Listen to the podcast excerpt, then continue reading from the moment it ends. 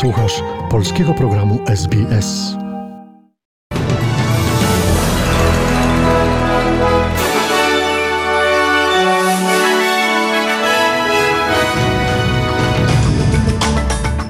Dzień dobry, przy mikrofonie Dariusz Buchowiecki. Oto skrót najważniejszych doniesień w sobotę 26 marca. Nowa Południowa Walia odnotowała ponad 19 tysięcy nowych przypadków COVID-19. 30 tysięcy żołnierzy bierze udział w ćwiczeniach NATO w Norwegii. Prezydent Stanów Zjednoczonych rozpoczął oficjalną wizytę w Polsce.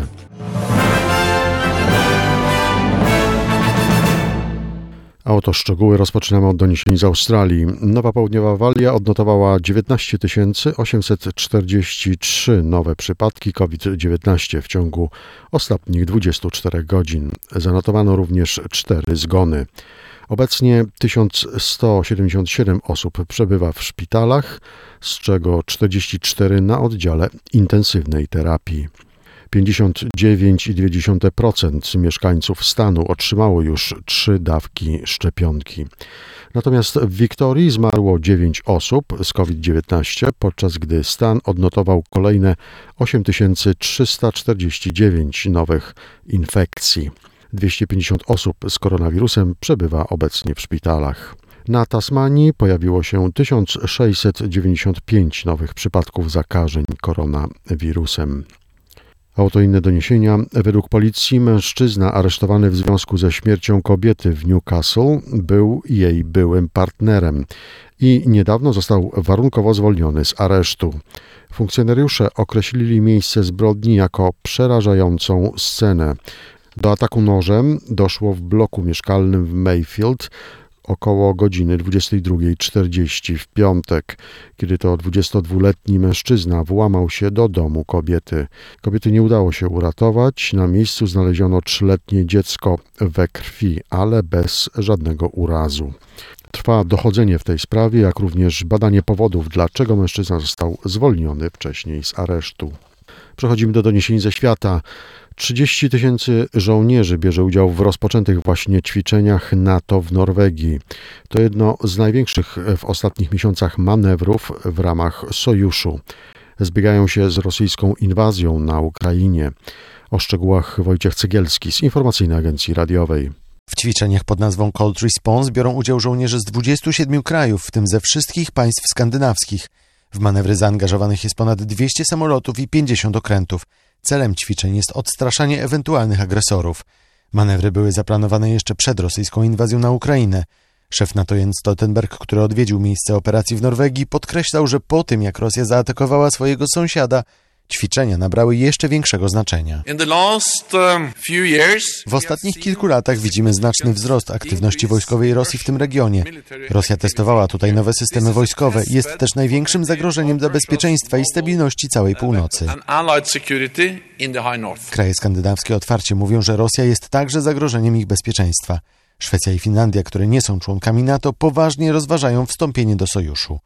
Amerykańska Federalna Komisja Łączności dodała rosyjską firmę Kaspersky Lab oraz chińskie firmy China Telecom i China Mobile International do listy dostawców sprzętu i usług komunikacyjnych stanowiących zagrożenie dla bezpieczeństwa narodowego USA.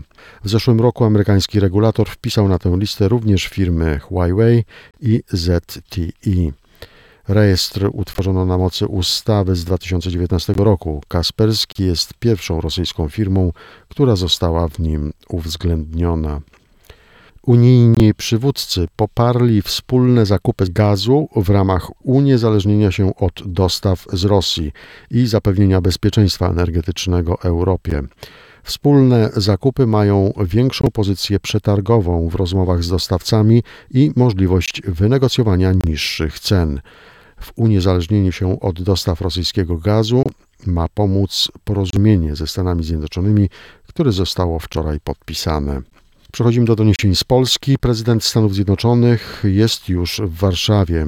Joe Biden spotkał się z amerykańskimi żołnierzami z 82. Dywizji Powietrzno-Desantowej. To pierwszy punkt wizyty Joe Bidena w Polsce. Pierwotnie miała ona rozpocząć się od powitania przez prezydenta Andrzeja Dudę, ale z powodu zawrócenia do Warszawy prezydenckiego samolotu, awaryjnego lądowania i wymiany maszyny amerykańskiego przywódcę przywitał minister obrony narodowej Mariusz Błaszczak. Prezydenci Polski i Stanów Zjednoczonych spotkali się później w podrzeszowskiej Jasionce z przedstawicielami organizacji humanitarnych. Andrzej Duda i Joe Biden podziękował wolontariuszom za wsparcie, jakiego udzielają uchodźcom z Ukrainy. Więcej na ten temat Maciej Jastrzębski z Informacyjnej Agencji Radiowej. Amerykański przywódca podziękował Polakom za serce, jakie okazują Ukraińcom dotkniętym katastrofą wojny. Joe Biden podkreślił, że zachodni świat powinien być zjednoczony w obliczu tragedii. each one of you in your organization. You're helping millions of people.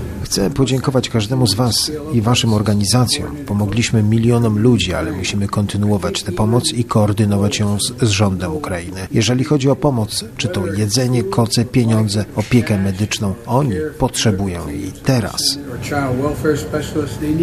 Prezydent Polski Andrzej Duda przypomniał, że każdego dnia polsko-ukraińską granicę przekraczają tysiące uchodźców. My dzisiaj na terenie naszego kraju mamy już 2,5 miliona osób. Wszystko wskazuje na to, że jeżeli agresja rosyjska będzie trwała nadal, to te liczby będą rosły. Dziś drugi dzień wizyty Joe Bidena w Polsce także będzie zdominowany przez tematy związane z pomocą humanitarną i wzmacnianiem potencjału obronnego Europy. Jeszcze jedna informacja. W Polsce w nocy z 26 marca na 27 marca konieczne jest przestawienie wskazówek zegarów z godziny drugiej na trzecią. Tym samym od niedzieli zacznie obowiązywać czas letni. Przez najbliższy tydzień różnica czasu między Polską a wschodnim wybrzeżem Australii będzie wynosiła 9 godzin. Informacja walutowa. Kurs średni dolara australijskiego na dzień dzisiejszy wynosi 3 zł i 20 groszy. W przeliczeniu na dolara amerykańskiego wynosi 75 centów. Przegląd wiadomości na podstawie doniesień Newsroomu SBS oraz Informacyjnej Agencji Radiowej przygotował Dariusz Buchowiecki.